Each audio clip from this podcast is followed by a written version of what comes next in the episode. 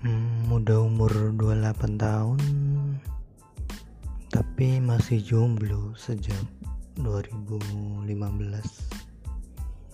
rasanya sendiri itu eh, nggak eh, enak sih.